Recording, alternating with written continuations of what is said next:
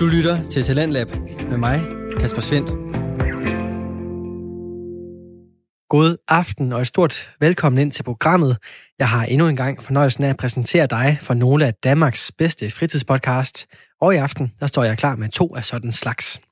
Først, der skal du høre fra Vin og Venner, der taler om alt godt fra skærmen.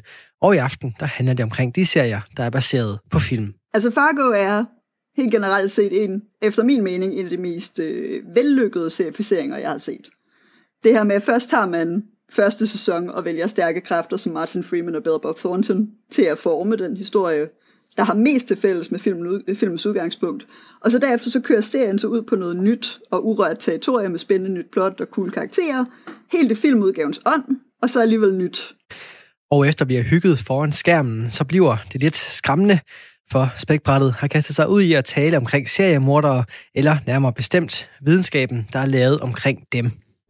Altså, okay, det, ja. det var meget skide svært at identificere seriemorder ellers, fordi så tænker okay, så kan vi kigge lidt på psykopater. Fordi man hører jo tit, at størstedelen af seriemorder er psykopater, så jeg fandt et uh, review, uh, hvor de siger, altså, hvordan man identificerer psykopater. Og der er jo bare kommet en ny uh, form for test, som er lærlig god til at identificere psykopater, som hedder PCLR-testen. Men altså, inden det bliver drabligt og uhyggeligt, så skal du her først få lidt ro på. Du skal nemlig høre et afsnit fra Mette Jacobsen og Mette Marie Svendsen. De har podcasten Vin og Venner, og i den, der gennemgår de alt godt fra film, tv-serier og computerspil.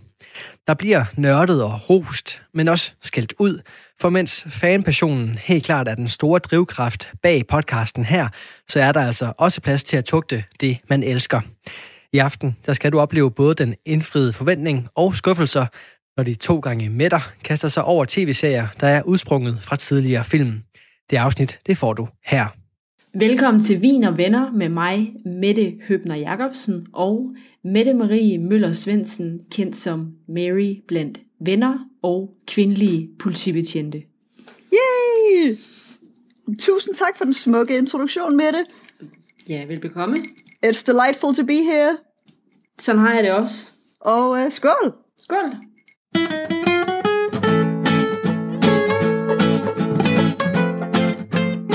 Du lytter til Vin og Venner med Mette og Mary.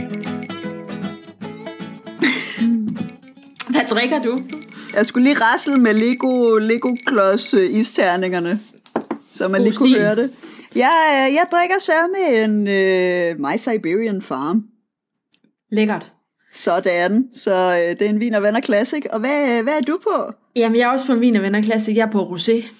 Sådan. Øh, jeg har lige drukket to gigantiske kopper kaffe, inden vi gik i gang. Ellers så kunne jeg også godt have taget en Siberian Farm. Men øh, det var, det var et fornuftigt valg. Jeg kom nemlig også til at drikke lidt for meget kaffe her i morges, fordi Just mm-hmm. ikke drak lige så meget kaffe, som han plejede, og så var der ekstra til overs, og så de yeah. der to kopper, det plejer at blive, det blev altså lige til 3,5. Ja. Øhm, og så havde jeg egentlig klargjort til en My Siberian Farm, så jeg ved godt, at jeg skulle have stoppet.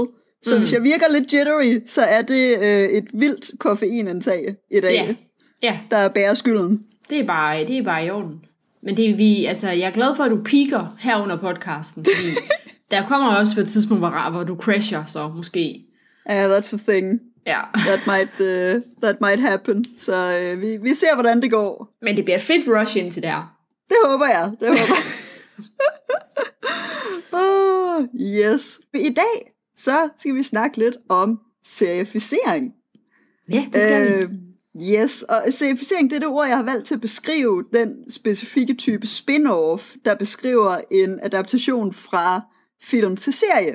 Ja adaptation fra film til serie, det, det begyndte egentlig at, at blive en, en tydelig trend i Hollywood tilbage i cirka 2014-ish, med adaptationer så som Fargo. Mm-hmm. Øh, og siden da, så er det faktisk kun blevet vildere og mere udtalt.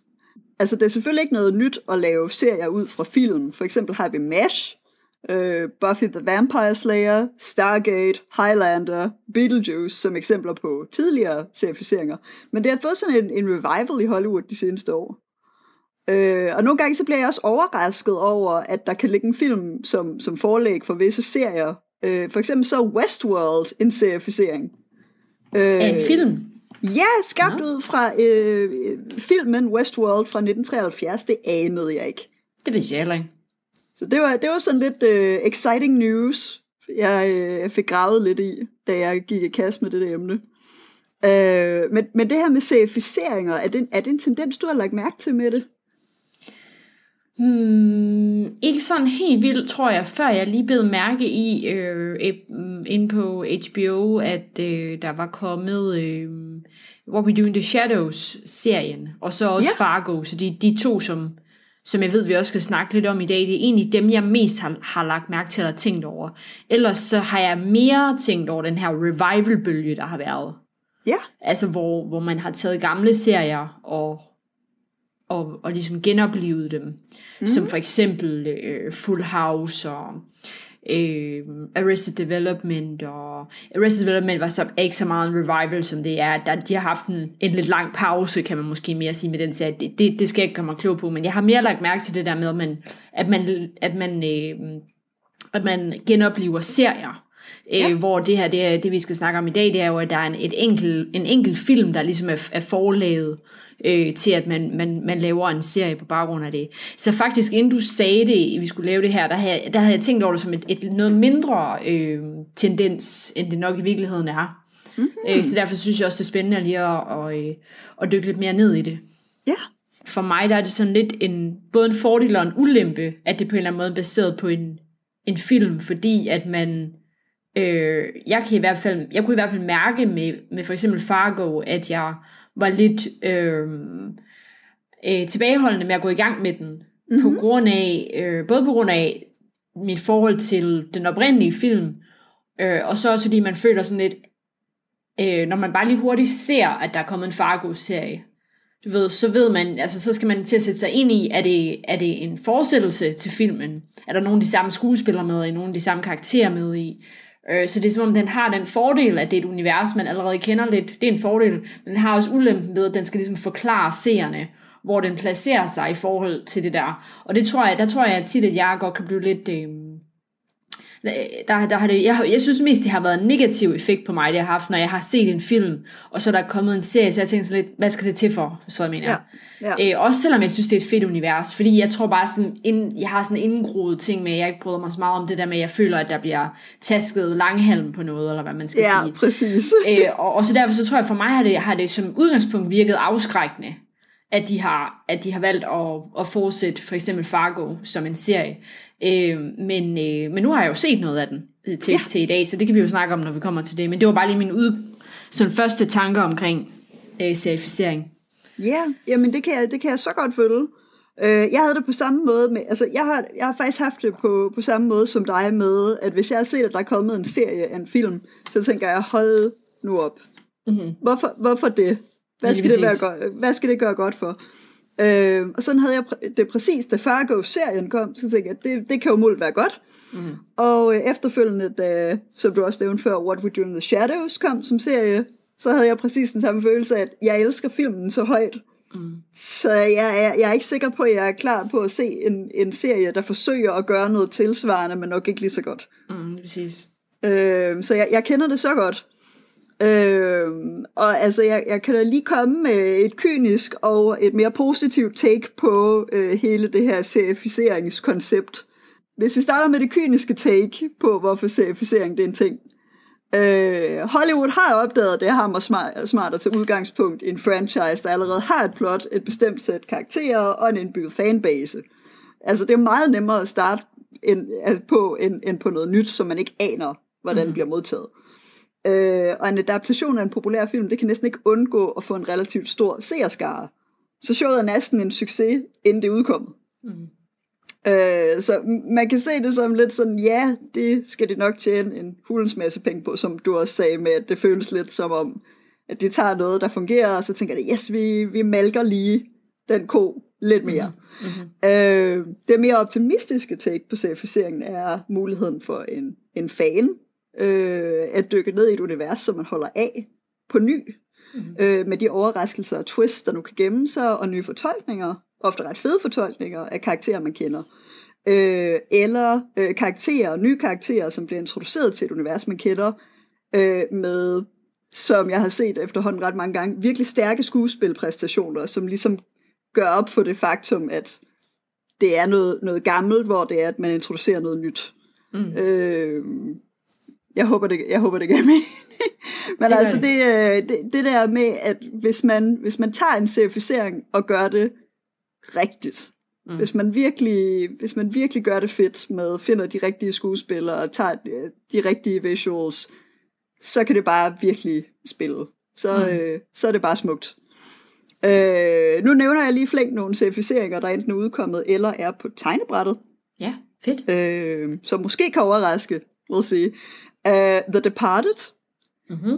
Galaxy Quest, The Truman Show, Fatal Attraction, som vi jo snakkede om. Iskoldt begær. Yes, Iskoldt begær. Ja. Uh, Four Weddings and a Funeral, og så selvfølgelig What We Do in the Shadows, med mange flere. Jeg blev faktisk virkelig overrasket over at se, hvor meget der er i, i, i, i gang i øjeblikket. Uh, så altså, der, der er meget mere end det, men, men det, er lidt, det er lidt vildt, at det faktisk, øh, ja, det er virkelig blomstret op her på det sidste, og jeg kan godt nok ikke sige noget om, hvor godt eller skidt det hele fungerer. Jeg ved, den der Four Weddings and a Funeral kom ud for et stykke tid siden. Jeg har Nå, ikke okay. set noget af den. Nej, okay. Altså, det er lidt ligesom, øh, der har været sådan en bølge, hvor man laver musicals af alting. Hmm. Øh, altså,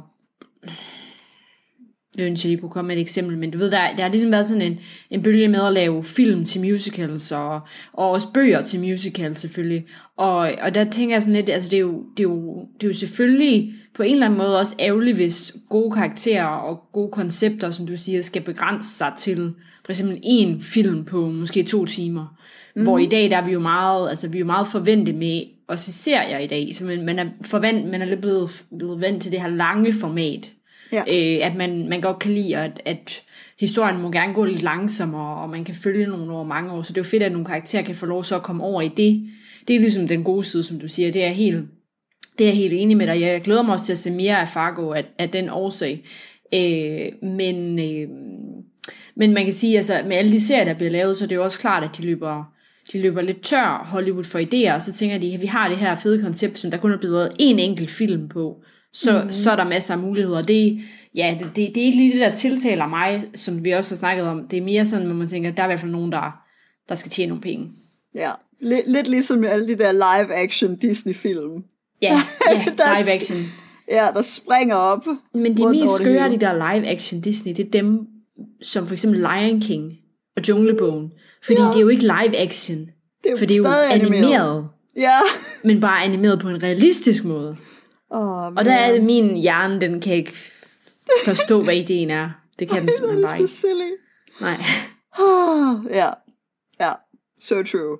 Live action er jeg i hvert fald i gåsøjen for mig i den, i den sammenhæng. I, i store gåsøjen. Ja. True that.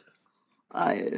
Jamen det, jeg, jeg tænkte, vi skulle uh, gå lidt i dybden med uh, Fargo. Ja. Altså serien den er skabt af Noah Hawley, som også er manden bag serien Legion, som jeg har hørt skulle være rigtig god. Jeg har ikke set den. Mm, den skulle være okay, virkelig fed. Ja, ja. Øhm, I forhold til, hvornår vi optager, altså, så, så, så er sæson 4 ikke udkommet endnu. Men den burde faktisk være udkommet, når det her afsnit udkommer, hvis corona okay. vil det, selvfølgelig. Ja. Øh, den står nemlig til 27. september. Så øh, det vil jeg bare sige, at jeg glæder mig meget til at kaste mig over. Øh, sæson 4, det skulle foregå i Kansas i 1950'erne, så det er lidt et skift i setting, som bliver spændende at se. Øh, men hvis vi kigger på Fargo, som, øh, som den er tilgængelig nu, så øh, første sæson, den følger meget filmens forlæg, mens anden og tredje sæson mere er antologipræget. Øh, historien er forbundet og foregår i det samme univers, men på forskellige tidspunkter og med andre hovedpersoner. Mm-hmm. Okay. Og, og med det, som, øh, som, som vi lige snakkede om før, du har set første afsnit af serien til i dag. Hvad, ja, hvad, hvad synes du? Øhm, jeg synes, øh, at øh,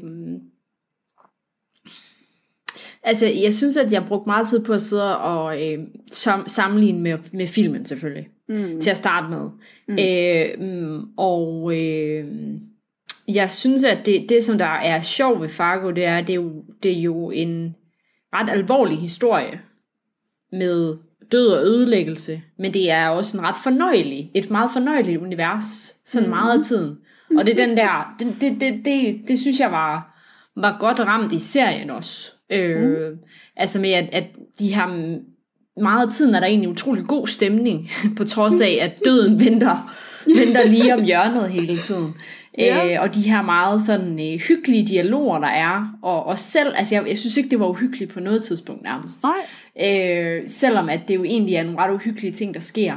Mm. Øh, hvorimod jeg også lige startede på den, der hedder The Stranger på HBO, og den tør jeg næsten ikke engang at se. Uh, og der er sådan set mindre død og ødelæggelse i den, end der er i, øhm, I, Fargo. Men der er simpelthen, jeg synes, der er sådan en generelt ikke uhyggestemning i Fargo. I hvert fald i afsnit 1, som jeg har set. Øh, ja. og på den måde, så tænker jeg sådan lidt, at det er sådan, for mig lidt sådan diametrale modsætning af sådan noget som Nordic noir, noir altså sådan noget som for eksempel øh, Forbrydelsen, som hele tiden vil det uhyggelige, hele tiden, du ved, sådan noget med mørke, og du ved, de tænder ikke lys, når de kommer hjem, og sådan noget, som om Fargo er sådan et helt vildt hyggeligt univers, og så er der, så er der død øh, med. øh, og og det, det, det, det, kan jeg, det kan jeg godt lide, altså, jeg kan godt lide, at det er, det er sådan lidt Twin Peaks-agtige univers, altså det her sådan en lille yeah. by, og der er mange sjove karakterer, og egentlig meget af tiden er det, er det, er det det, man bruger tid på, man lærer de her øh, sådan sjove personager at kende, men mm. så sker der også øh, nogle, nogle voldsomme øh, og meget grafiske forbrydelser øh, indimellem. Øh, så så jeg, jeg synes, det var en god oplevelse. Men yeah. jeg kunne også godt mærke, at, den, øh, altså, at jeg, jeg skal helt klart se, se meget mere, før det begynder at give mening. Altså, det var sådan meget et opstartsafsnit, selvom at der skete mange ting, og øh, mm. øh, så, der, så, så, så kan jeg godt mærke, at jeg skal, jeg skal se noget mere, før det ligesom øh, bærer frugt, de der ting, der er blevet, øh, blevet sat i gang. Ja, ja lige præcis. Eller sået. ja, ja. Oh, very cool, very cool. Det, øh, det er godt at høre nogle sådan first impressions, og det, jeg havde det på samme måde, da jeg så første, første, første sæson faktisk. Jeg havde meget svært ved at lægge det frem mig, det der med at blive ved med at sidde og se, tænke på filmen, mm. og se paralleller mellem, så har vi øh, Lester Nygaard, spillet af Martin Freeman, og ja. så bliver man ved med at tænke på Mr. Lundegaard, William H. Macy. Øh, oh ja, ja. Man bliver ved med at køre de to op mod hinanden, fordi der er, der er nogle similarities, både i personerne, de er lidt de her tabertyper, som ikke har styr på deres liv, og mm. egentlig får andre til at, at, at skubbe det i en eller anden vanvittig mm. retning fordi ja. de ikke selv kan tage initiativ til noget som helst. Ja. Øhm, men, men der skulle den jo så, altså serien skulle nok også have lagt sig længere væk fra originalen, hvis den ikke skulle Altså hvis den skulle undgå, at man hele tiden sad og tænkte på det. Ja. Fordi altså, hvis den gerne ville have, at man glemte øh, forlægget, så skulle den måske have, have, have taget det lidt længere, altså sådan rent plotmæssigt lidt længere væk fra. Ja, fordi altså godt nok har vi ikke en øh, gravid politibetjent, øh, men vi har en, altså en, en, en, en kone til en politibetjent, der er højgravid. Lige præcis. Øh, der ja. bliver ved med at være de der paralleller øh, løbende, og, og vi følger også en, en kvindelig politibetjent, som er vores, øh, vores protagonist. Ja. En af dem, en af de to, som det nu bliver. Men øh, det bliver anderledes i sæson 2 og 3. Mm. Sæson 3 er nok min personlige favoritsæson. Øh, ja, okay. både, både på grund af et solidt plot, der øh, blandt andet involverer Emmett Stussy, The Parking Lot King of Minnesota, og virkelig stærke skues, øh, skuespilpræstationer af blandt andet David Thewlis, øh, Carrie Coon, Michael Stuhlbarg, øh, Mary Elizabeth Winstead, og så selvfølgelig Ewan McGregor. Og altså, det er lige et anbefaling til senere, fordi man kan jo sådan set godt se sæsonerne separat. Der er nogle links imellem dem, men jeg, jeg så sæson 3, før jeg så sæson 2. Mm, okay. øh, af en lidt absurd årsag, men altså det, øh, men, men sådan blev det, og det gjorde mig faktisk ikke noget. Altså særligt fjerde episode i, i uh, sæson 3, hvor Billy Bob Thornton, som også er i sæson 1, han, han lægger stemme til Prokofjevs uh, musikalske børnefortælling om Peter og Ulven. Det er sindssygt godt skruet sammen, det afsnit. Det er virkelig godt. Øh, så, men det er det smukke ved, at, at det er sådan lidt uh, antologipræget, at du følger i hver sæson separate fortællinger. Hvilket jeg synes fungerer ret godt, netop fordi man har det der øh, miljø, som det udspiller sig i, i Minnesota og ja, også lidt i North Dakota. Så, øh, så det er ret cool. Du lytter til Radio 4. Og du lytter til programmet Talents Lab, hvor jeg i aften kan præsentere dig for to afsnit fra Danske Fritidspodcast. Her først er det fra Vin og Venner med Mette Jacobsen og Mette Marie Svensen. De nørder alt godt og knap så godt fra skærmens verden, og podcasten her er således både en samtale-podcast og en videnspodcast. For de to værter, de har altså en ret så bred viden inden for film, tv-serier og computerspil, og her der skal vi tilbage til aftens afsnit, hvor snakken er faldet på tv-serier, der udspringer fra film, med et særligt fokus på tv-serien Fargo. Altså Fargo er helt generelt set en, efter min mening, en af de mest øh, vellykkede serificeringer, jeg har set. Altså, øh, det her med, at først har man første sæson og vælger stærke kræfter som Martin Freeman og Bill Bob Thornton til at forme den historie, der har mest til fælles med filmen, filmens udgangspunkt. Og så derefter så kører serien så ud på noget nyt og urørt territorium med spændende nyt plot og cool karakterer. Helt i filmudgavens ånd, og så alligevel nyt. Øh, og så den her kombination af de søde og lidt forsigtige beboere i Minnesota og, og ja, North Dakota, som vi lige nævnte før, kombineret med de vilde mor, der bliver begået, det fungerer bare rigtig godt. Mm-hmm. Så, øh, så det, er lidt, det er lidt sjovt det der med netop at se det blive taget et, et skridt videre. Hvis vi kigger lidt på, på serien i forhold til filmen, så er den faktisk blevet forsøgt øh, serificeret tidligere. Okay. Øh, allerede et øh, år efter den udkom i biograferne. Øh, men Coen-brødrene, øh, de var ikke øh, involveret i projektet. Øh, så det blev ret hurtigt øh, skrottet igen. Men det var faktisk øh, Edie Falco fra Sopranos, som skulle have spillet Marge Gunderson, som er den gravide politikvinde i filmen. Mm, ja, okay. Ja. Tiny fun fact. Øh, og det, at øh, Noah Hawley's serie ikke havde Marge som fokus for hele serien, men i stedet for at køre på det her antologiformat, det gjorde, at Coen-brødrene gerne ville være en del af det her nye Fargo-projekt. Øh, så det er et Coen Brothers, altså bla, Coen Brothers. Coen brødrene, de har haft en øh, finger med i spillet i serien, som executive producers. Det, det tror jeg er vigtigt for, at serien den er blevet så vellykket, som den er. Så so that's, that's pretty neat. Noget, man kan glæde sig over, når man ser serien, det er alle de her små easter eggs, der er lagt ind som øh, referencer til Coen-brødrenes øh, bagkatalog. Ja. Øh, jeg skal lige holde øje med det, når jeg genser den, men for eksempel kan man i sæson 1 finde en tavle inde på en café eller en bar, øh, hvor today's special er en White Russian. Mm. Øh, selvfølgelig en henvisning til The Big Lebowski. Det, det er The Dudes signaturdrink. Så, det er det, og, det er jo, og det er jo også lidt en favorit her på Vinervetter. Det er det. Så uh, so that is pretty neat. Uh, jeg ved ikke, om du lagde mærke til det, da du så første afsnit. Men der, altså Fargo-serien og Fargo-filmen har nogle gennemgående træk, som er fælles. Uh, nemlig nogle lidt tossede dialekter. Mm-hmm. Altså dem er der skruet lidt ned for i serien, så det ikke blev alt for enerverende. Ja. Uh, og så nogle vanvittige frisyrer. Ja. altså det er nærmest et must, at et antal af karaktererne skal have noget skørt hår og skæg. Ja. Altså, altså Bob særlig... Odenkirk øh, for eksempel. Han har da i hvert fald noget lidt skørt skæg også. Og sådan ja, Bob Odenkirk, det er godt nok uh, et spændende look, han, uh, han, han sporter han, i, uh, ja. i den. Og Billy Bob Thorntons uh, frisyr, den fik sådan et munkeagtig hår. Ja, ja, det er godt nok en speciel uh, ja, hårpragt, han, uh, han har kørende der. Så uh, det er jo noget, man kan nyde og holde, det det, holde godt det øje ja. med. Ja. Jeg tror endda, der kommer flere gode frisyrer i, uh, i afsnit 2. Fedt. så øh, der er noget at glæde sig til. det er der.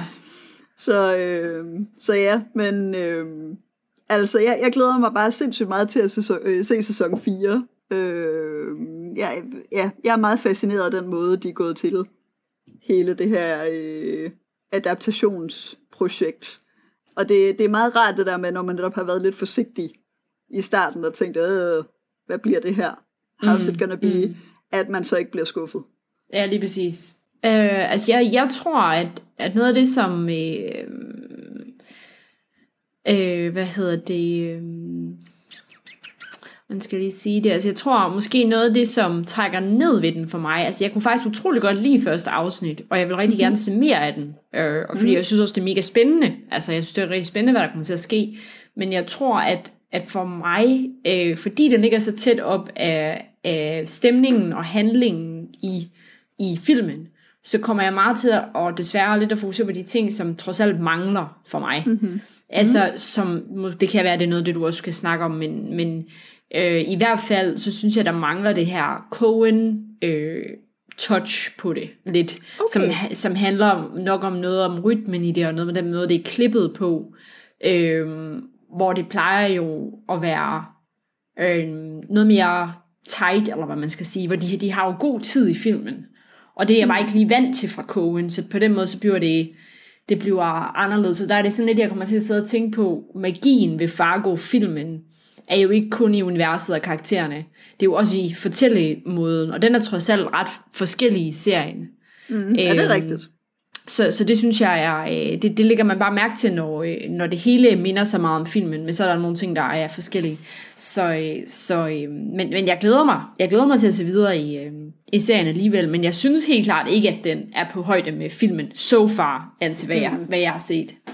Jamen det, for, for, for mig så er sæson 1 klart svagest, fordi det er den, der ligger tæt op af, af filmen. Og det gør den svagere, fordi den, den, skal, den skal ligesom stå mål med noget, som har klassiker status. Det kan, det ja. kan man ikke komme op på Nej. siden af. Øh, og det er derfor, jeg egentlig synes, at, at de efterfølgende sæsoner fungerer bedre, selvom jeg er helt vild med det cast, der er i uh, sæson 1, og jeg kan godt lide historien og det hele, så er det nemlig det der med, at man har svært ved at slå det fra, lige at trykke på den switch der, der sidder og sammenligner. Ja, det er præcis. Øh, det er rigtigt. Og det med, med klipningen, der, der kan jeg godt lige se det for mig. Jeg tænker særligt på øh, dialogen, sådan lidt øh, akavet dialog, som Coen Brothers er øh, mestre til. Lige præcis. Øh, det er det lidt de mindre sådan, akavet. øh, timingen i det og stillhed, altså for eksempel nogle pauser i dialogerne og sådan noget, så den, den der måde, det plejer at være sådan fuldstændig genialt klippet på. Mm. Øh, men det er selvfølgelig også stor forskel at skulle klippe øh, jeg ved ikke, 12 timer eller sådan noget, som sæson 1 måske er kontra to timer. Ja.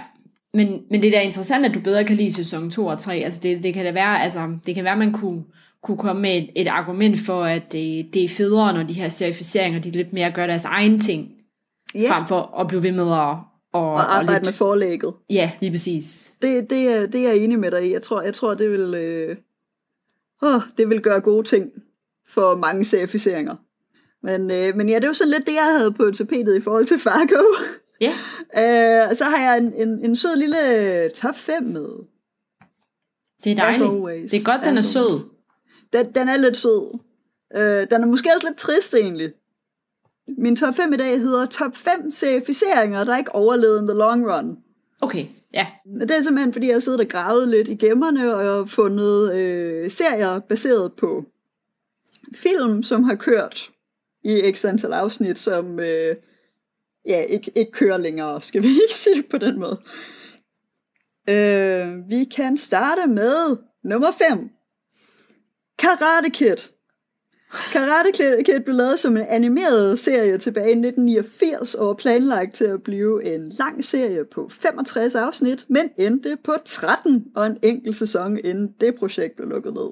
Nå for søren. Yes, og altså karate, det, det, det overraskede også mig. Jeg havde tænkt sådan, som serie, det kunne da egentlig måske fungere meget godt. Mm-hmm. Uh, Karate Kid som serie er et projekt, der er blevet genoplevet for nylig, og uh, man skulle vist kunne finde Cobra Kai, som er en live-action efterfølger til filmene på Netflix. Mm-hmm. Uh, og der arbejdes på en sæson 3. Okay, okay. Ja. Yeah. Så har vi nummer 4. The Exorcist er en øh, relativt ny serie, der udkom som en direkte fortsættelse af den første Exorcisten-film. Ja. Øh, og den nåede at køre i to sæsoner med 20 afsnit, inden Fox cancelede den. Nå. Men øh, jeg synes, det lød som et meget fedt koncept, med øh, det er vist øh, to præster, som rejser rundt og laver eksorcisme øh, i vildskab. Okay. Øh, det lød meget sjovt. Øh, yes, så har vi nummer tre. Filmen My Big Fat Greek Wedding affødte en sequel, men også en serie. Nemlig, Der kan man bare se. Er det jo lidt vildt. My Big Fat Greek Life. Øh, den blev dog ikke, øh, til synligheden ikke en, en vild succes, i hvert fald ikke i længden, og kørte kun i en enkelt sæson på syv afsnit. Okay. Så ja. Yeah. Så har vi nummer to, og det var lige ved, at den har også kunne have været med i geniale danske filmtiteloversættelser. Øh, filmen Tremors, som har den smukke danske titel Ormen. Nå, Ormen, øh, ja ja. Yes, yes. Affør, affødte en øh, serie, der kørte en enkelt sæson på 13 afsnit. Øh, det er vist nok noget med en, en landsby, hvor det er, at vores kære personer fra Ormen-filmene øh, skal leve side om side med en albino-orm, der vist er virkelig stor. Okay. Ja, de hedder et eller andet syret i, i, i den der ormen franchise, sådan Graboids eller sådan noget. Men Okay. yes, det, øh, det havde potentiale, det holdt vist ikke. Og så har vi nummer et på min top 5, som er den, der overraskede mig langt mest. Øh, Lockstock er en serificering af Lockstock and Two Smoking Barrels.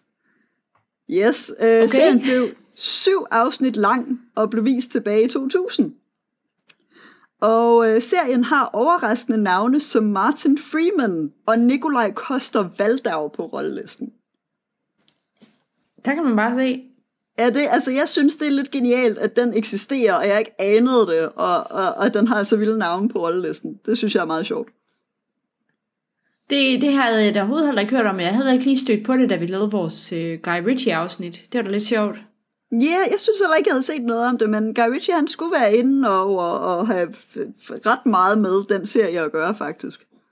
Så øh, that is kind of surprising. Det er før det blev hot med, med serificeringer.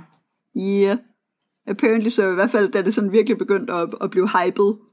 Så, øh, så ja, yeah. men, øh, men det, var, det var lidt af det, jeg havde kigget på i forhold til serificeringer. Øh, Ja. Så jeg håber på, at, øh, at, øh, at kunne have uh, enlightened øh, måske dig og lytterne i forhold til, hvad en serificering er, og hvor udbredt det er lige for tiden.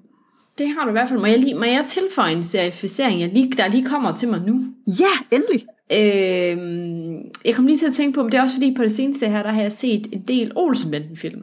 Uh, ja. Øh, fordi at øh, det var lidt sådan en, et hul i min, øh, i min film øh, karriere, eller hvad man skal sige. Så havde ja, der er mange af dem, jeg ikke har set, så jeg, var, jeg er i gang med at se dem.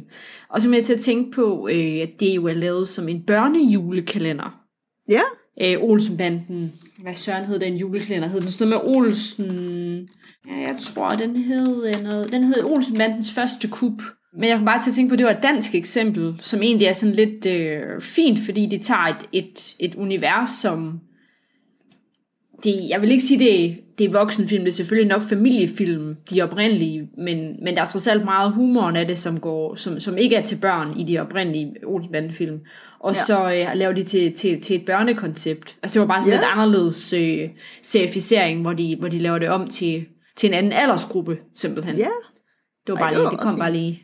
Ja, jeg kan overhovedet ikke huske, at, øh, at den er blevet sendt. Jeg har ellers lige været i øh, julekalenderalderen. Ja, jeg så den skam. Jeg så hver eneste Ja. afsnit. Jeg kan tydeligt huske, det var i 9 i 99, der har jeg været 10 år. Så der, Ja. der, der, der var jeg klar hver aften til at se, øh, se Olsenbandens første kup. Jeg tror nærmest, at det har været, der jeg lærte om Olsenbanden, har jeg lige ved at tænke. Altså, eller jeg tror, det har været en af mine første øh, sådan møder med Olsenbanden, måske i hvert fald. Ja, Tak for, øh, fordi du gjorde mig opmærksom på serificering som koncept. Oh, you're, you're very welcome. Det, er- jeg håber på at, øh, at lære meget mere om det selv løbende. Nu har det mest været en, yep, der er en tendens. Ja, Så det, det har mest været at pinpointe det, og så at, at kigge lidt på, ja, yeah, hvordan man er gået til sagen. Det skal jo helst, når man laver en certificering, det er jo heldigvis, heldigvis noget, som, som bliver sådan holdt i hævd rimelig, rimelig godt, at der skal være noget kvalitet over det.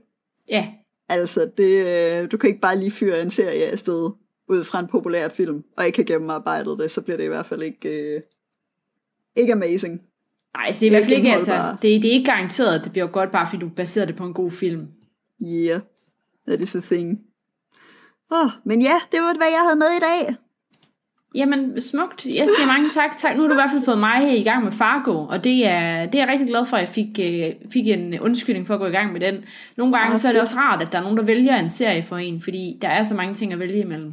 Det er rigtigt. Det, er, det kan være så svært. Det, ja. Ja. øh, det kender jeg så godt. Så det, det, øh, det, det er jeg glad for, at, øh, at, øh, at, at det primært har været positivt i hvert Jamen, fald. jeg synes, det har været rigtig positivt. Sådan. Det har været nogle gode serier, du har valgt til mig den her sæson med øh, Paranoia Agent og Fargo. Må jeg faktisk lige sige noget med Paranoia ja. Agent? Ja. Øh, og den her serie.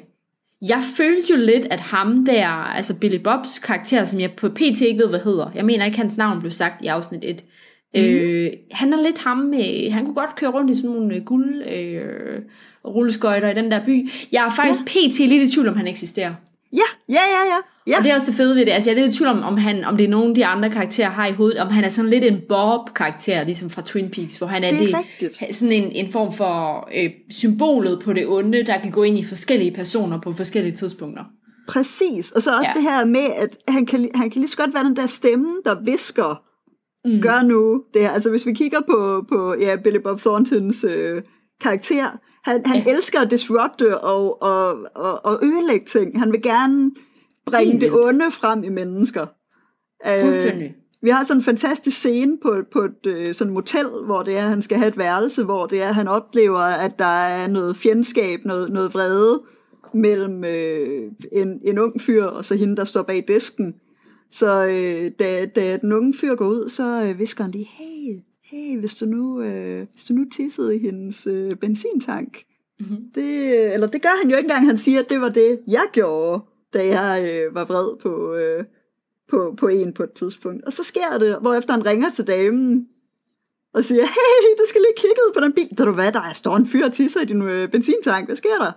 Ja, det er. Øhm, ej, men det er bare, det, det er så skønt det der med, at han virkelig, han elsker lige det der med netop at gå ind lige og, øh, og, og bringe det værste frem i folk, og jo mere fjendskab han kan, han kan bringe frem, jo bedre. Så det er, jeg kan sagtens se den der, øh, altså han kunne nemlig lige så godt være fiktiv, egentlig. Ja, lige præcis. Øhm, altså, Fordi han, man ser, hvordan han ligesom øh, får andre mennesker til at gøre, gøre dårlige ting, onds, ond, onds, altså han får andre mennesker mm. til at være onde på en eller anden måde. mm, Øh, hvor man egentlig ikke ser ham selv så meget være ond. Øh, Ja. igen. Og de steder, hvor man ser det, kan man godt blive i tvivl om, han egentlig gør det, eller om det er den anden, der gør det. Og sådan noget. Så, så jeg synes, han er helt klart det mest spændende, den spændende, mest spændende karakter, som jeg gerne vil vide. Jeg vil gerne vide noget mere om ham. Ja. Øh, ja. altså, Så der er det, lidt den synes jeg er mega spændende. Ja, det, det er altså også cool. Altså, det er mest, det er mest en bestemt scene øh, på, øh, på en stripklub, hvor det er, at jeg synes, den er sværest at, øh, Den at er svær, ja. retfærdiggøre, at han ikke er... Øh, at han ikke er virkelig, Det- det, det- men øh, at han er fiktion. Så, øh, men ej, det er rigtigt, det er lidt, øh, det er lidt spændende. Så vi må se, Ja. vi må da se, hvad der, øh, hvad der sker. Tak for den gang. Skål, og tak for god ro og orden. Skål. Du lytter til Talentlab med mig, Kasper Svendt. Og der er helt sikkert mange andre eksempler på tv-serier, der udspringer fra film, end dem, som de to værter, Mette Jacobsen og Mette Marie Svendsen, de gennemgik i deres afsnit af podcasten Vin og Venner. Og må ikke de serier også kan inddeles i forrygende og skuffende. Du kan høre andre afsnit om alt godt fra skærmens verden inde på diverse podcast-platforme, eller finde tidligere Talentlab-udsendelser med og uden vin og venner inde på radio4.dk eller i vores Radio 4-app. Med aftens andet podcast-afsnit, der skal vi som lovet bevæge os væk fra den hyggelige fordybelse i tv-universet og ind i den mørke forskning, der er lavet omkring seriemordere.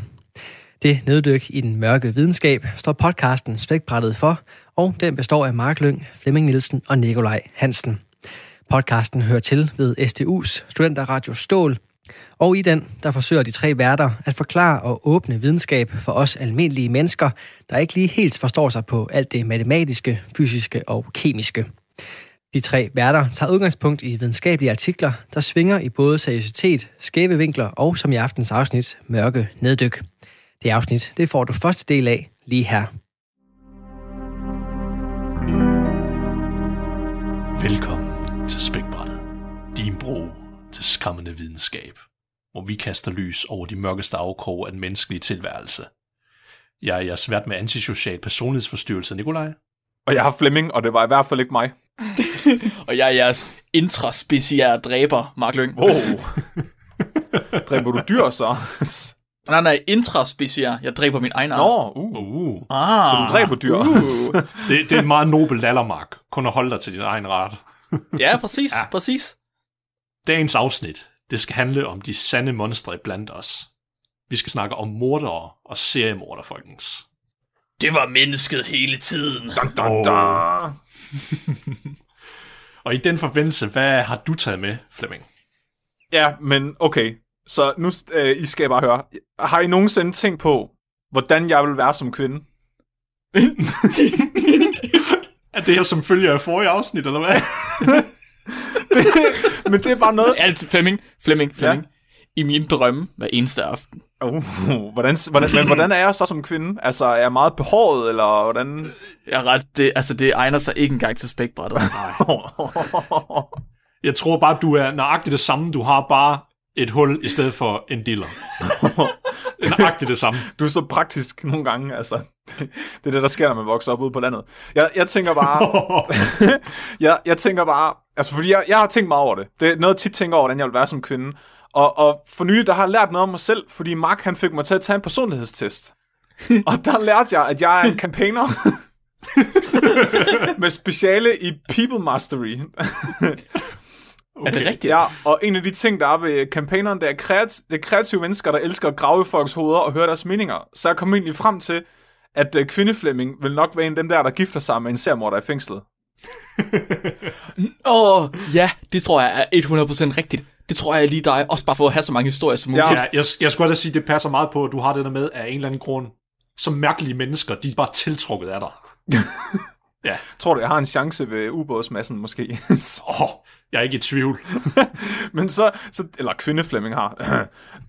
så, så det var en det, jeg tænkte, det ville jo kunne være socialt acceptabelt, hvis jeg, en, hvis jeg sådan, hvis kvindeflemming gifter sig med en seriemorder, der er i fængsel.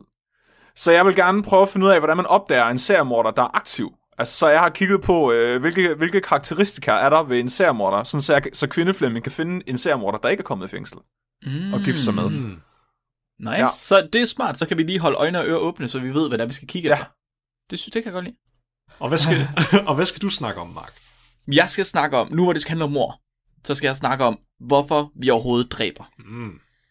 E, fordi det er ikke bare for dyr og for føde, men altså vi dræber hinanden. Hvorfor, hvorfor gør vi det? Hvad er nødvendigheden af det? Det er fordi, han har været træls i en længere periode. Og det er jo en sindssyg ting. Hvordan kan, man, hvordan kan man overhovedet have det på den måde? Og så i den forbindelse har jeg også prøvet at finde ud af, er det kun mennesker, der har det sådan? Mm. Er det en menneskelig ting at myrde? Ja. Eller er det noget, som alle dyr gør? Delfiner gør det helt sikkert, de syge Ja, det tror jeg også. Ja. Og chimpanser. mm. Mm. Men ikke høns. Okay. Men ikke mm. høns. Spændende. Og, og Flemming, det er bare endnu mere, endnu mere ja, brændstof til bålet med fuck delfinerne. fuck you, dolphin! ja, altså prøv at høre, det er derfor, det hedder Adolfin, ligesom i Adolf Hitler, Adolfin. Altså, jeg siger det bare. Wow. Ja. Nikolaj, hvad skal du snakke om i dag? Jeg har valgt at være den lidt mere useriøse i dag. Jeg er faktisk Flemming i dag, hvis man kan sige det. Ja, jeg altså, jeg har, jeg har lavet en quiz til jer omkring øh, morder og seriemorder. Nej. Jo. Spændende. En quiz? Tror du, vi kan vinde den? Hvad kan man vinde? En, en date med en seriemorder. Får man PlayStation 1, hvis man vinder? Gratis mor. på en valgfri person. Du, du, får, du får den ypperste måde at kommunikere på. Du får en faxmaskine. oh, jeg har stadig ikke fået min PlayStation 2 til alle lytterne derude. Hvorfor en PlayStation 2? Men jeg skulle have, fordi jeg vandt svenske quizzen. Hvorfor, hvorfor en svensk quiz? Fordi jeg var så god til at tale svensk. Jeg tror, det var dengang, hvor min mikrofon talte svensk. Det er der ikke nogen, der kan huske det med. Nej, det, det lyder som... Ja, det, det er Mandela-effekten lige der, tror jeg. Mm.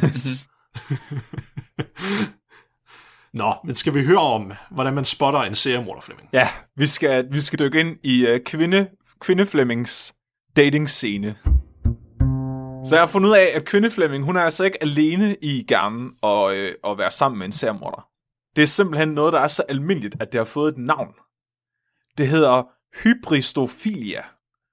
Og det er Hy- en... Ja, hybristofilia. Okay.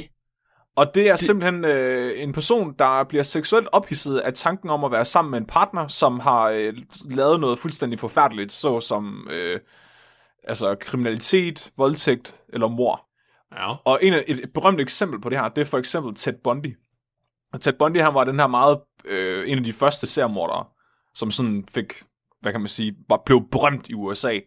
Ja. Og øh, han var sådan kendt for, at han var meget, han var en flot mand, og han var meget charmerende, og, og det han gjorde, det var, at han brugte den her øh, charme til at lokke kvinder øh, med sig, og så øh, slå dem ihjel. Altså, han blev fucking spillet af Zac Efron i filmen, og så var man en flot mand. Ja, han er faktisk flottere i virkeligheden, end, eller han, er, han var flottere. Der kan du bare se, flottere end Zac Efron. Ja. Undskyld, har du ja, set var... High School Musical? Oh god. Oh god. Nej, jeg skulle sige, det var det også, var det ikke jo Christian Bale, der spillede, uh, det, det, skulle forestille at ham i American Psycho. Oh. Var det Ted Bundy, du skulle forestille dig? Det tror jeg, det var ham, det var baseret på. Ah, det har slet ikke lige fanget. Okay. Til, til, til, til, en vis grad. Til en vis grad. Ja, okay, okay. Nå, sjovt. Nå, men, men i hvert fald Ted Bundy, han havde så mange kvindelige beundrere, at under hans retssag, der var retssagen simpelthen fyldt af kvindelige beundrere. Og han blev også gift under den her retssag. Altså selvom det kom frem, at han havde gjort alle de her forfærdelige ting, så, ble, så blev han gift, mens han var øh, under høring.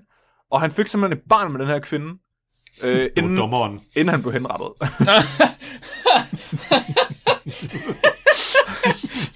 ja, I dømmer dig skyldig. Så er der kage. det er så brudvalg som en halv time.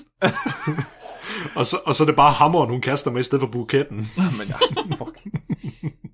Altså, det er så sindssygt. Prøv at tænke på, altså, at, at blive så vild med en mand, der er ved at blive altså, idømt øh, dødsstraffen for at have slået en hel masse kvinder ihjel, og så tænke, mm, det er afmateriale, det skal jeg lige have op i min reproduktionstrakt. oh god, Flemming, du ved, du ved det ikke, men det leder sygt meget op til mit emne i dag. det er sådan helt åndssvagt meget.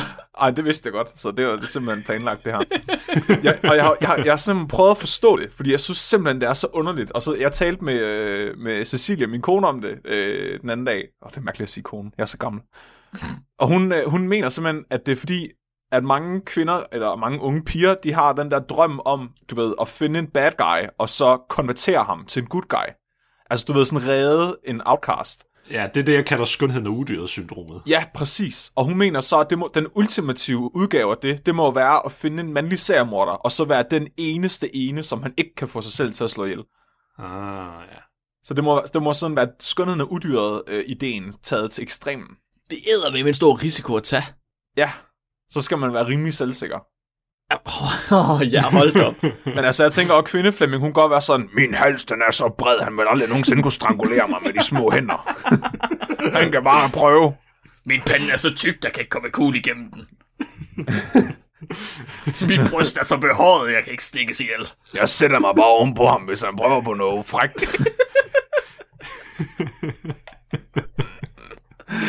oh, nå. Men øh, kvindeflemming, hun vil jo også gerne have sådan en seriemorder øh, fyr, men en, der ikke er blevet fanget nu, fordi øh, du ved, man skal jo lige, det bliver lidt akavet til julefrokosterne med mor og far og sådan noget, hvis, du ved, hvis de ved det. Så for at det er mere socialt acceptabelt, så skal kvindeflemming finde en seriemorder, der ikke er blevet fanget. Mm-hmm. Og man ved jo heller ikke, altså hvis han er i fængsel, og man gerne vil udleve den der fantasi om, at man er den eneste en, han ikke kan slå ihjel, det kunne du aldrig rigtig være sikker på, hvis han er i fængsel, ikke? Mm. Du skal ligesom, han skal være på fri fod, så han har øh, fuld overlæg til at slå dig ihjel. Øh, så, så det skal være en, der er fri.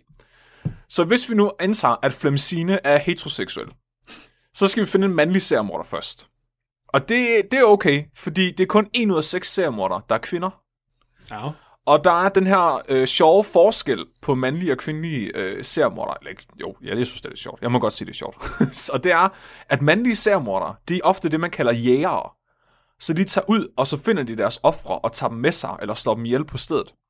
Hvorimod kvindelige seriemordere, de er ofte caretakers. Altså nogen, der øh, har ansvaret for at passe folk, og så slår de så de folk ihjel. Så det er for, altså, der er flere eksempler på kvindelige sygeplejersker, som, som har slået patienter ihjel på deres vagter, for eksempel. Det er ja. vildt. Er der et seksuel bias i, altså, i seriemordere? Ja, det er der. Ja, ja, kæmpestort. Ja. Wow. Også, også i deres, øh, ja det ved jeg ikke om, ja, om jeg må, om jeg kommer ind på, hvad du har tænkt dig at snakke om nu, Flemming, men også i måden, de slår ihjel på os. Ja. Altså, hvad deres metode er. Ja. Det, det, det er rigtigt. Og, og det, det er mega underligt. Og, og man mener, altså man kan jo aldrig rigtig vide med sikkerhed, hvorfor det er sådan. Man kan jo se, det er sådan, man kan dokumentere, det er sådan, men man kan jo aldrig rigtig vide, hvorfor. Og det bedste bud, jeg har læst, det er øh, med evolutionspsykologi. Og det er simpelthen at forstå os som jæger-samlere. Hvor at vi i stenalderen, hvor mændene har været jægerne, og kvinderne har været samlere. Så at mændene, de udviser den her jægertendens til at tage ud og, og fange deres ofre og slå dem ihjel, hvorimod kvinderne, de mere samler dem. Og det kan mm-hmm. man også se på, at, at kvinder, de oftere slår ofre ihjel, som de kender personligt. Men mænd, det er stort set, mm. altså ser, mandlige særmorder, det er stort set kun fremmede, de slår ihjel. Det er bare lidt, det er lidt syret, men man kan ikke rigtig sige mere end det. Øh, okay. Altså, så man ved, der er et bias, man ved ikke, hvorfor der er et bias. I forhold til at blive særmorder, eller hvorfor altså, de slår folk Altså man, man, ved, man ved, at mænd gør det på en måde, og kvinder gør det på en anden måde, men man ved ikke, hvorfor de gør det på de to måder. Ja, altså det kan man ja. aldrig rigtig sige helt, men man kan jo spekulere. Ja. Men altså, det det, det er også vildt med de her kvindelige seriemordere. Man mener, at der er mange flere, øh, altså, selvfølgelig er der jo langt flere mandlige seriemordere, men, men i forhold til rationen af, hvem der bliver fanget og hvem der ikke bliver fanget, der mener man, at kvinderne er langt bedre til ikke at blive fanget. Ja, fordi de er mere sådan stealthy i måden, de slår ihjel på os. Ja, ja, præcis. Altså, der er nogen... Altså, nu, nu, nævnte, nu nævnte du mange af dem, de er jo de der sygeplejersker. Ja. Og Jeg, kan- jeg kan ikke huske, hvad hendes rigtige navn er. Men hun, hendes øgenavn, det var Dødens Engel. Og Oh, hun var sådan sygeplejerske på et hospital, og det er et eller andet med estimeret, at hun har slået sådan flere hundrede ihjel. Fordi hun har forgiftet dem på hospitalet. jamen, jeg har set en dokumentar om hende også. Jeg kan ikke huske, hvad hun hedder. Hun Ja. tog selfies med, øh, med Line. Ja, Det var derfor, at de, øh, at de fik hende. Fordi det er, det er simpelthen så, hun forgiftede dem på en måde, så at det ikke, kunne, øh, at det ikke blev opdaget, øh, at de var døde af det. Og så når det i forvejen var syge eller, eller gamle mennesker, så, så blev der ikke kigget mere på deres død. Ja. Så altså, det var helt vildt, altså, at hun overhovedet blev fanget. Øh, Men man kunne simpelthen se, hver gang hun havde en vagt, så steg, så steg dødsraten bare helt vildt. Det, det blev ikke opdaget, før de fik statistikere på sagen. Jeg tror, jo, men jeg tror, jeg tror først, at det blev opdaget, fordi at der var nogen, der så hende gøre det, basically. Nå, okay. Ja, Ja, ja, men man, man var grund til, at der ikke var noget af personalet, eller der, jeg mener, jeg læste, at der var nogen, der mistænkte hende. Men lægerne, de kunne så godt lide hende, og det kunne patienterne også, så der var ikke, det var kun ganske få, der mistænkte hende. Og dem, der gjorde, de blev sådan udstødt re- resten af dem på hospitalet. Wow, okay. Ja, hun har, hun har bare sat sig, du ved, på toppen af hierarkiet. Åh, det er sjovt. Det, og det, det kommer jeg lidt ind på om lidt, om hvorfor det kan være. Fordi jeg skal snakke lidt om psykopater på et tidspunkt også. Og en af, en af kendetegnene ved psykopater, det er, at mange, altså, hvis du, hvis du er virkelig øh, god psykopat, så, så, så kan folk virkelig godt lide dig, og du er rigtig god til at manipulere folk socialt, for at få, det til at, og, og, altså, få dem til at kunne lide dig. Så, så det giver mening, at der er rigtig mange af de her sermorder, som faktisk er virkelig charmerende, og det er jo bare godt for Flemsine, kan man sige. Okay, så, så øh, nu ved vi, at øh, hvis Flemsine skal finde en seriemorder, som er mandlig, så skal, så skal hun sørge for, at den her seriemorder altså er en person, der, øh, der jager sine ofre. Så skal vi også være sikre på, at den her mandlige seriemorder også er interesseret i Flemsine, så vi skal være sikre på, at det er en heteroseksuel øh, mandlig seriemorder. Og der fandt jeg et case study om en homoseksuel seriemorder, som simpelthen er blevet brugt som et eksempel på oftere at kunne identificere homoseksuelle seriemordere øh, i? USA. Ja. Et case study. Ja. Det er lavet af Mark Pettigrew i 2019, så det er rimelig friskt, og det hedder The Preference for Strangulation in Sexually Motivated Serial Killer. Det fik han ud af en person. Ja. Han havde datapunkt lige en, og så sagde han, så kan det for alle bøster. Øh, lidt. Lidt. det, det, og det er så underligt, fordi måden, de egentlig opdagede det på, det var, at øh, man ved allerede, at størstedelen af mord, der begås øh, på kvinder, det er kvælning. Det er næsten altid kvælning. Men størstedelen af mord, der bliver begået på mænd, det er som regel, at de bliver stukket, slået eller skudt ihjel. Det er rigtig sjældent, at, at mænd bliver kvælt, men kvinder bliver det næsten altid. Mm-hmm. Og så var der den her seriemorder i England, som slog en hel masse mænd ihjel, men han kvælte dem. Og det var jo vildt underligt, fordi det plejer at være kvinder, man, man kvæler. Så de sagde med det samme, det her, det er en homoseksuel øh, seriemorder, fordi han kvæler mændene. Og det er ofte, fordi der er noget øh, øh, seksuelt over og sådan en kvælning. Altså, så, så de mener, at han må være homoseksuel, ham her. Men det, der skete, det var, at de, de tog ham ind og forhørte ham, og så nægtede han at være homoseksuel. men, det, men lad nu videnskaben om at bestemme det ikke. Det skal du ikke selv bestemme. De, skal, de, de mangler det der aseksuelle, den der skala. Bare for Ah, ja. homoseksuel i stedet for. ja, ja. Hvor tilbøjelig er du til at kvæle en person? En anden, hvor tilbøjelig er du til at kvæle en mand? Ja, en mand. Ja, hvordan vil du slå den her mand ihjel? Men en anden, man kan sige, et andet sådan rimelig stærk clue til, at han var homoseksuel, det var, at alle de mænd, han slog ihjel, var homoseksuelle mænd, som han samlede op på en bar. En homobar. Og det endte med, at til sidst så, så, øh, så tilstod han altså, at han var homoseksuel, øh, og hvorfor han havde gjort det. Altså, så de, de, han åbnede op om sin fortid, og fortalte øh, sin barndom og sin historie om, hvorfor han havde gjort det. Vil I gerne høre det, fordi det er ret fucked up. Ja, kom med det. Okay, så han fortæller, at han var deprimeret, og han var alkoholiker på tidspunktet. Og han var blevet misbrugt som barn, hvilket havde ført til, at han begyndte at fantasere om at gøre det samme mod andre hjælpeløse individer, som blev gjort mod ham som barn. Og senere i sin barndom, så begyndte han også at fantasere om nekrofili. Og øh, det, der så skete, det var, at han øh, i løbet af sit voksenliv oplevede, at han ikke kunne danne nogen øh, romantiske relationer. Altså, han kunne ikke holde på en anden mand. Det endte altid galt. Øh, så til sidst så havde han været på den her bar, hvor han så havde samlet en mand op, og de havde haft et uh, one night stand, og da de så vågnede dagen efter, der blev han så bange for, at den her mand ville forlade ham, at han kvælte ham, til han blev bevidstløs. Og så lærte han hans hoved ned en spand vand, og lå det ligge der, indtil der kom bobler op mere. Radio 4 taler med Danmark. Og på den skræmmende note, så er det blevet tid til dagens sidste nyheder. Efter dem står jeg selvfølgelig klar med den resterende del af aftens afsnit fra Spækbrættet.